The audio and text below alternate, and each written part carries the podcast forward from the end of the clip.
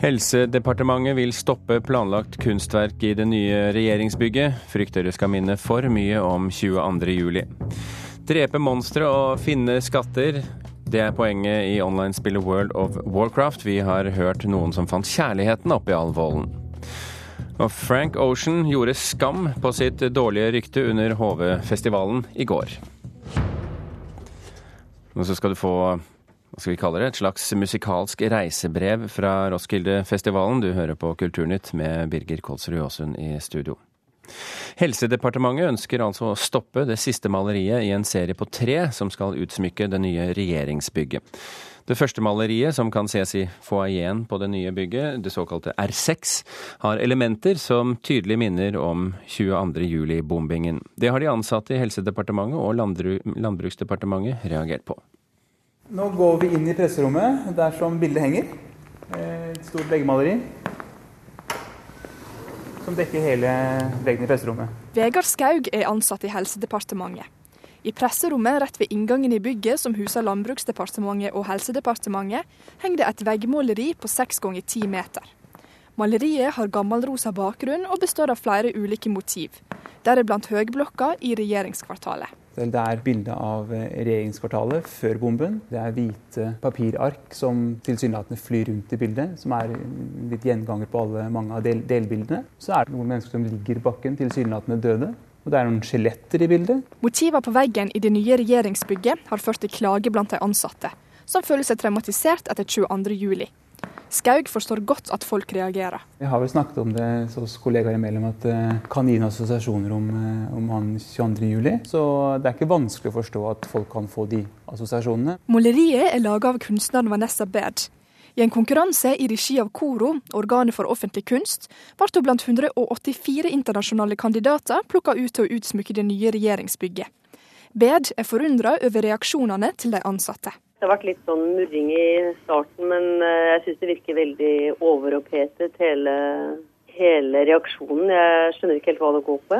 Måleriet henger i et bygg som huser politikere og byråkrater fra Landbruksdepartementet og Helsedepartementet. Ja, det er riktig at det er noen av våre ansatte som, eh, som har reagert på dette kunstverket. og Det er fordi de sier at det, eh, det gir en assosiasjon til 22.07. Sier departementsråd i Helse- og omsorgsdepartementet Bjørn Inge Larsen. Eh, det jeg håper, det er at, eh, at, at våre ansatte over tid eh, kanskje ikke reagerer så mye på, eh, på dette veggmaleriet. Måleriet i regjeringsbygget er det første i en serie på tre. Nylig avduka kunstneren Vanessa Bed sitt andre kunstverk i bygget. Også det har fått en lunka mottaking. Nå har Helse- og omsorgsdepartementet sendt et brev til Koro der de ber om at Vanessa Bed sitt tredje måleri blir stoppa. Måleriet er planlagt i den delen av bygget som huser helseministeren og staben hans. Bed opplever motstanden mot verket som merkelig. Jeg har ikke begynt engang, så å være så full av motstand på noe som ikke eh, jeg har begynt på, det kjennes veldig pussig ut. Altså. Veldig rart. Det sa kunstner Vanessa Baird til reporter Camilla Yndestad og Line Tomter. Svein Bjørkås, eh, direktør i KORO, kunst i offentlig rom. Eh, syns du også de departementsansatte reagerer rart? Det er jo sånn at eh, For at det ikke skal være noen tvil om det, og siden det er radio vi ikke kan se disse verkene det, det, aktuelle bildet som det er snakk om her, handler ikke om 22.07. Så dette er en lesning, en assosiasjon. Eh, det vet vi jo at eh, det er fullt mulig i et bilde som dette, som gir mange assosiasjonsmuligheter. Det har mange Men det henger jo i et departement som, hvor de ansatte har blitt utsatt for en bombe. Absolutt, og det er vi klar over. Og, og, det beklager vi selvfølgelig at dette er blitt oppfattet på en slik måte. Men det er viktig å, å understreke likevel at dette er et bilde som gir veldig mange lesningsmuligheter. Og, og den koblingen til terroren 22.07 er bare én av de. Og det finnes mange, mange andre som er langt mer positive. Det er et flott verk. Eh, og det skal stå i sammenheng med de andre verkene i dette bygget. Men, men, tenkte dere i Koro på at det kanskje kunne virke provoserende og, og til dels støtende? Verket ble eh, bestilt og beskrevet før 22.07. 2011. Eh, sånn at eh, de elementene som preger dette bildet, de ble planlagt før terroren fant sted. Det, det, betyr at meningsinnholdet i dette er jo formet ut fra, et, en, ut fra helt, helt andre forutsetninger. Og eh, at det i ettertid har latt seg gjøre å lese det på en slik måte som det er blitt gjort. Eh, og såpass entydig som det er blitt lest som en eh, påminnelse om 22.07, det beklager vi selvfølgelig veldig sterkt. Det er veldig synd at det er sånn. Og vi har tilbudt departementet, både landbruk og helse og omsorg, at vi skal komme inn med en større grad av formidling, at vi skal vise at det finnes flere lesemåter, at dette verket kan forstås på mange, mange måter. Men nå er det altså det store bildet nede i foajeen, eller i presserommet eh, nede i foajeen. Eh, og så er det et verk til som nettopp har kommet opp, som jeg ikke har sett. Eh, og så er det tredje som ikke er påbegynt ennå. Er det aktuelt for, eh, for Koro å stoppe dette utsmykningsoppdraget nå, før det tredje maleriet kommer opp? Det som er saken, er at eh, vi, altså dette oppdraget Dette um, prosjektet, hele utsmykkingsprosjektet, er vedtatt for lenge siden. Det er besluttet med brukermedvirkning og med medvirkning fra alle parter som er involvert i sånne prosesser som dette. Og det er uaktuelt for oss. Altså Vi ser på de tre bildene eh, av eh, Vanessa Bed som ett verk med tre deler, og det er uaktuelt for Koro å tilbakekalle den bestillingen. Så vi opprettholder vår bestilling til kunstneren, og så får vi eh, snakke med, med brukerinstitusjonene, departementene, om eh, hvilke konsekvenser deres eh, deres eh, Eller hvilke vurderinger de gjør når dette kommer på plass. Eh, som det allerede er nevnt, så er jo det eh, siste bildet som departementet nå har bedt om å at vi vurderer på nytt, det er, ingen, det er det jo ingen som har sett ennå. Så det er for så vidt eh, litt urimelig at vi skal eh, ta stilling til hvorvidt det skal være der eller ikke, før noen har sett bildet. Svein eh, Bjørkås i Koro, takk for at du var med i Kulturnytt. Agnes Moxnes, kulturkommentator her i NRK, du er jo også i, i studio. Bør Koro stoppe det siste bildet til Vanessa Baird, eh, sånn som Helsedepartementet ber om? Nei, jeg syns ikke det. Og det man ser her, det er vel at noen ganger så tar følelsene den rollen fornuften eh, burde hatt. Man vet hva slags kunst man får når man bestiller kunst fra Vanessa Baird. Hun jobber innenfor det buleske og absurde og av og til uhyggelige også, men med et humoristisk drag. Og det er det Helse- og landbruksdepartementet nå har fått. altså Rett og slett en ekte Vanessa Baird i, i det som er resepsjonsområdet deres. Men hva, hva syns du om dette store maleriet som, som, man i og for seg kan se fra gateplan hvis man står utenfor eh, R6, eller man kan se hvis man går inn i foajeen? Hva syns du om det? Jeg tror egentlig at dette kommer til å bli et ganske viktig bilde i norsk eh, kunsthistorie, fordi at det er planlagt og påstartet før 22.07. og fullført egentlig under og etter terrorangrepet. Eh, sånn at det er på sett og vis eh, en, en slags første kunstneriske behandling da, av, av, terroranslaget. Og det er jo som Svein Bjørkås sa her, dette er et, et, bilde eller en freske da, som helt absolutt kan leses på to måter. Da jeg så det, så tenker jeg jo først og fremst at dette handler om byråkratiets veldig langsomt arbeidende kvern, hvor folk sender papirer inn til departementet og sitter og venter på svar så lenge at de avgår med døden eh, først. Altså et veldig sånn Eh, et humoristisk glimt inn i liksom byråkratiets papirmølle. Men, det, men, den lesingen som de departementsansatte har, er jo atskillig mørkere. At dette er en beskrivelse av det som skjedde 22.07. Eh, men det er jo lett å forstå reaksjonene fra de ansatte. De har jo tross alt eh, opplevd noe som er svært, svært traumatisk. Det er ikke vanskelig å forstå det, men derfra til å ønske å stoppe et kunstnerisk uttrykk, så er det en veldig lang vei å gå. Det som skjedde etter 11.9 i USA, var at de etterlatte og pårørende fikk en veldig sterk definisjonsmakt over hvordan det kunstneriske uttrykket skulle være. Flere kunstneriske prosjekter ble stoppet, og, og man må håpe at det, er, at det, ikke er det som kommer til å skje her i Norge nå. Hva forteller denne eh, hva skal vi kalle det, historien om kunstens rolle i samfunnet til deg?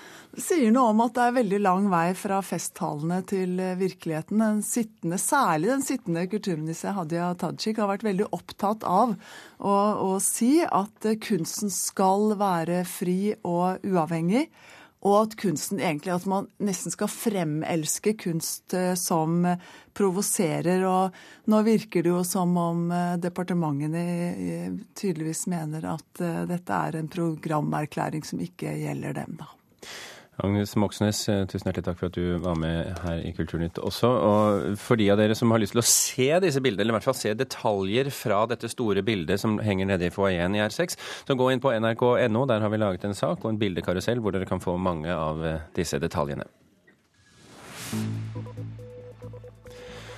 Klokken er 13,5 eh, minutt over åtte. Du hører på Kulturnytt, og dette er toppsaken i NRK Nyheter akkurat nå. Hæren i Egypt advarer mot hevnangrep etter militærkuppet. Det er ventet store demonstrasjoner i ettermiddag. Stemningen i hovedstaden er eh, spent. Det muslimske brorskap i Egypt kunne ha styrt videre dersom de ikke hadde gjort feil.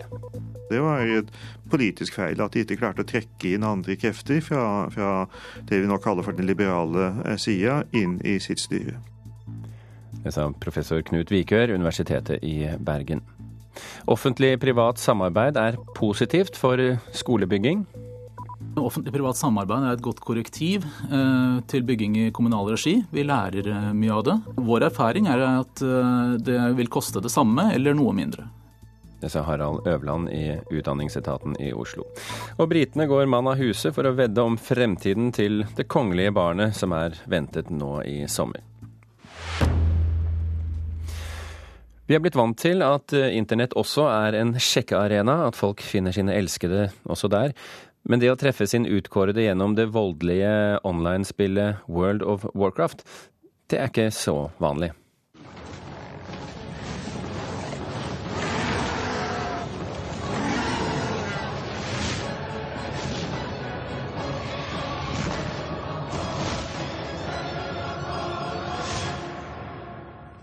After a while, it started to become like a six-hour talking session on Skype every day and every night. every night we were talking before bed, and I found her really interesting, and I decided I wanted to meet her. So.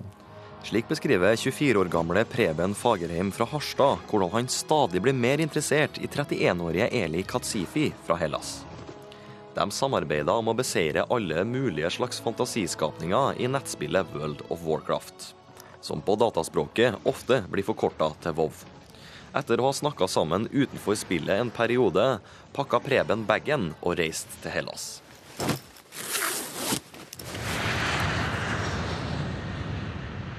It was really, really weird, especially when I went and picked him up 30 minutes late in the airport. Yeah, it was a bit weird. I was sitting outside the airport, getting more and more nervous to meet her. It was fine until I went off the plane. That's when I was like, shit, am I actually doing this?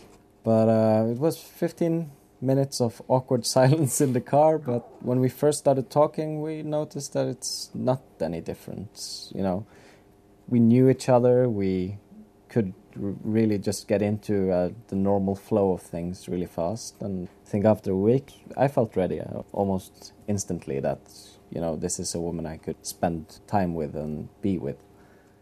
Nå har de to vært samboere i Harstad i to år, og planlegger bryllup i Hellas til neste sommer.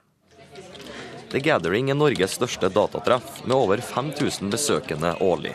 Presse- og informasjonsansvarlig Simen Eriksen Valvik forteller at det stadig blir flere jenter der også. Han sier den delte dataspillinteressen gjør det til en bra møteplass, hvor man kan finne kjærligheten. Det er ikke noe ukjent fenomen, da, hvis vi kan kalle det det. Det er noe som eh, skjer både titt og ofte. Vi har eh, Vegard Skjefstad, som grunnla eh, TG, var med på å grunnlegge det i 1992. Eh, har sjøl gifta seg på TG, på hovedscenen vår, under et eh, arrangement. En undersøkelse fra Dagbladet i fjor viser at flere får langvarige forhold etter å treffes på nettdating enn på byen. Bente Træen, som er professor i helsepsykologi og seksualforsker ved Universitetet i Oslo, sier nettet gir flere muligheter til å møte folk du vanligvis ikke ville ha gjort. Kjærligheten på internett er fantastisk, fordi det åpner så mange flere muligheter for å finne seg en partner. Dessuten så er det blitt helt legitimt at det er en arena hvor vi også leter etter en partner, sånn som vi gjør på restauranter og barer. Grabbi, sitt. Nå, sitt. Sitt. Ja, OK. Sitt nå. Legg seg ned. Preben og Eli har også en liten Russell Terrier-lignende hund, som de bruker som en slags prøvebaby. De vil invitere den de spilte WoW med til bryllupet i Hellas, for å endelig møte dem også ansikt til ansikt. Of course, for our real families and real friends, but also for the friends that were playing together five years, the same game that we actually met. Still haven't met them in real Yeah. life, so it will it will be a great opportunity to get Yeah. everyone together. Maybe next year we'll have an tower baby, Yeah. a small wow baby. Ja, det var eh, Rune Eian som hadde møtt de elskende fra World of Warcraft. Nordens største og eldste rockefestival, Roskildefestivalen, dro i gang for alvor i går kveld. Kollega Arne Berg, til daglig programleder i programmet Jungeltelegrafen her på P2, han var til stede da det første bandet gikk på scenen. Og det første bandet kom nemlig fra Zimbabwe.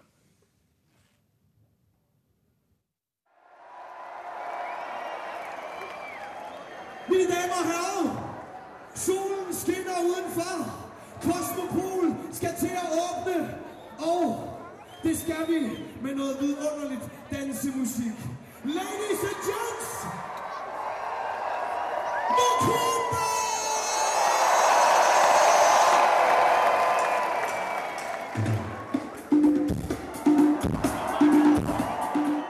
Der ble det for mye bass for min stakkars lille opptaker. Men altså, klokka var halv seks i går ettermiddag, og Mokumba var i gang som det aller første bandet på årets Roskilde-festival. At et band fra Zimbabwe åpner Roskilde-festivalen er ikke så rart som det kanskje høres ut. De ble i fjor kåra til årets nykommer i Europas ledende globale musikkmagasin Songlines, og fikk, etter et forrykende show på bransjetreffet World Music Expo, Womex, i oktober i fjor, invitasjoner fra hele Europa denne sommeren. Yeah, yeah, it was an important uh, for us because you know playing uh, front of uh, professional people, people all around the world. We've got festivals.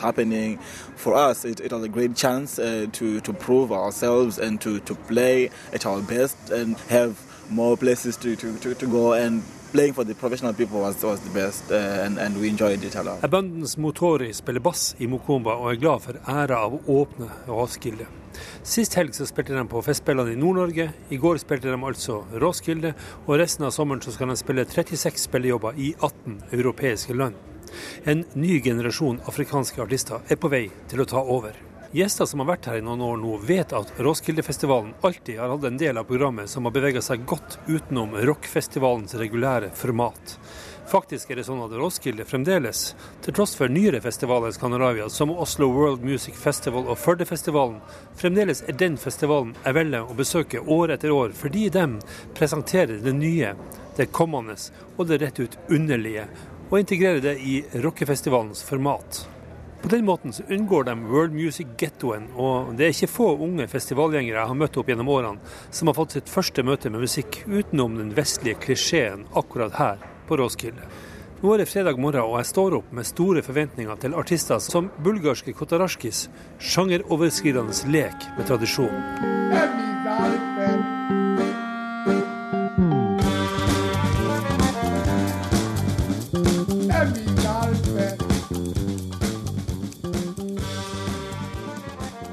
Kotarashki spiller allerede tidlig i ettermiddag på Roskilde og er egentlig etablert, i hvert fall sett fra min lille andedam. Men Roskildefestivalen søker også utenom det etablerte, faktisk også utenom det forståelige. Jeg skal på ingen måte gå glipp av søndagens konsert med colombianske Meridian Brothers. Det guacha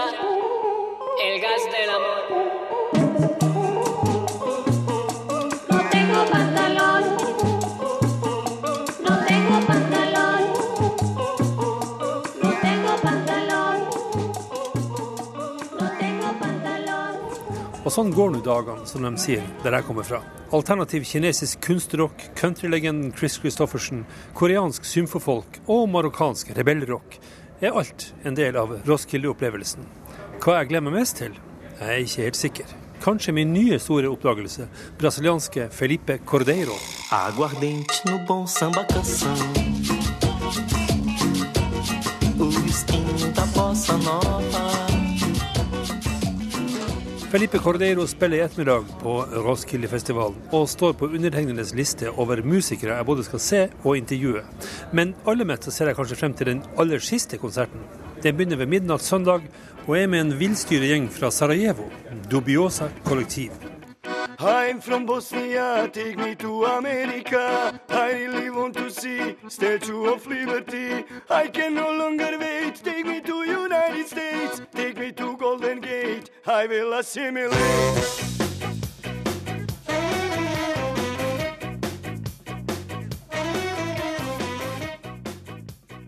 Dubiosa kollektiv fra Bosnia-Hercegovina er altså høydepunktet denne helgen for kollega Arne Berg, som er til stede på Roskilde-festivalen i Danmark akkurat nå. De spiller for øvrig også på Træna-festivalen i Norge neste uke. Og For første gang på fire år er Roskilde-festivalen ikke utsolgt. Det skriver den danske avisen Berlingske Tidene. Til tross for massiv markedsføring selger Nord-Europas største musikkfestival stadig færre billetter. Og avisens musikkredaktør mener nå at festivalen har et problem. Europeisk finanskrise og konkurranse fra andre festivaler trekkes fram som mulige årsaker til publikumssvikten. Vi skal nå fra Roskilde til HV.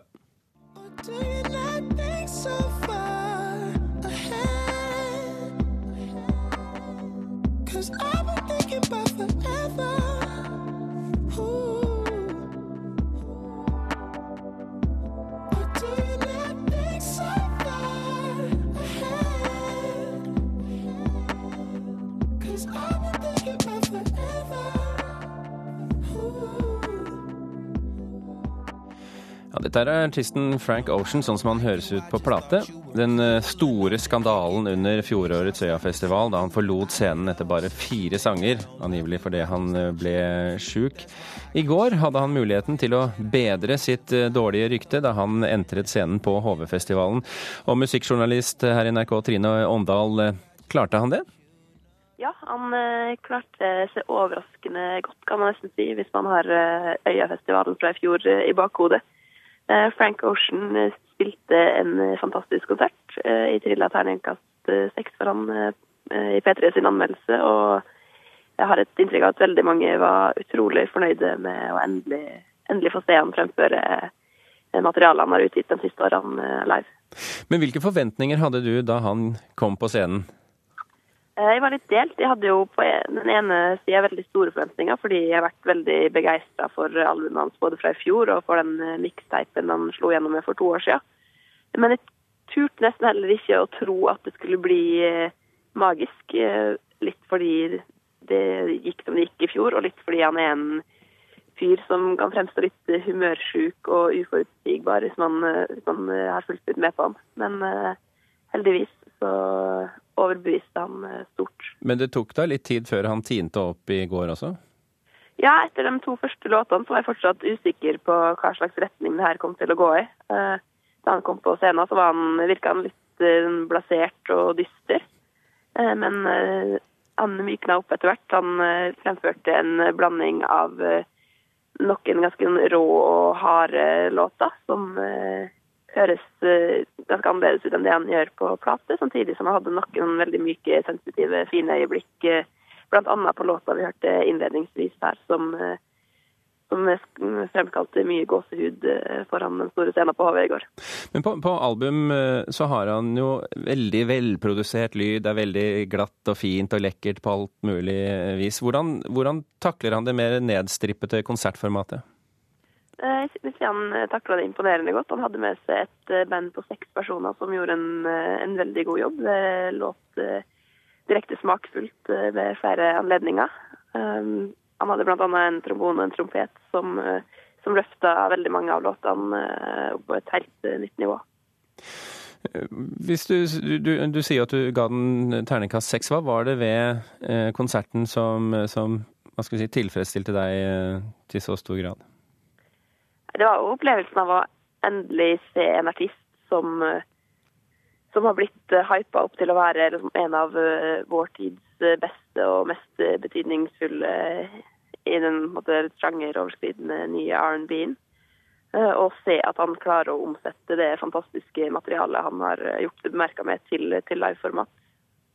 Ja, han blir jo ofte genierklært på, i hvert fall på de som er mest fans. Bygget han opp under det ryktet i går? Ja, det vil jeg absolutt si. Eh, Jeg mener jo at eh, Frank Ocean etter eh, det han leverte i går, virkelig fortjener alle de gode ordene og, og store formuleringene han har fått slengt etter seg de siste årene. Trine Åndal, eh, tusen hjertelig takk for at du var med oss i, i Kulturnytt nå i ettermiddag. Og vi kan jo fortsette litt i sånn eh, genierklært eh, land. Fordi eh, er du verdenskjent eh, rockestjerne og har litt ekstra hår til over, så kan du også tjene gode penger på akkurat det.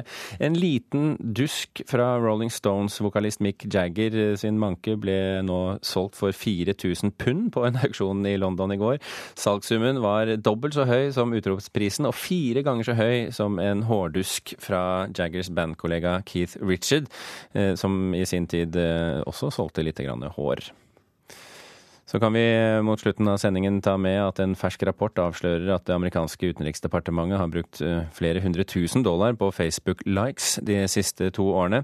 Det skriver nettstedet Huffington Post. Investeringen skal være gjort for å øke departementets tilstedeværelse på Facebook, men mange av dagens to millioner likere mistenkes for å være falske Facebook-profiler. I Kulturnytt har du hørt at Helsedepartementet vil stoppe et planlagt kunstverk i det nye regjeringsbygget, bl.a. fordi de frykter at det skal minne for mye om 22. juli. Direktøren i Koro sa imidlertid at det ikke blir aktuelt å etterkomme departementets ønske. Kulturnytt var i dag ved Hilde Tosterud, Gjermund Jappé og med Birger Kålsrud Jåsund i studio. Kulturhuset i dag. Jørild Songvold har servert opera til folket når de minst venter det. På trikken, på togstasjonen og på restaurant.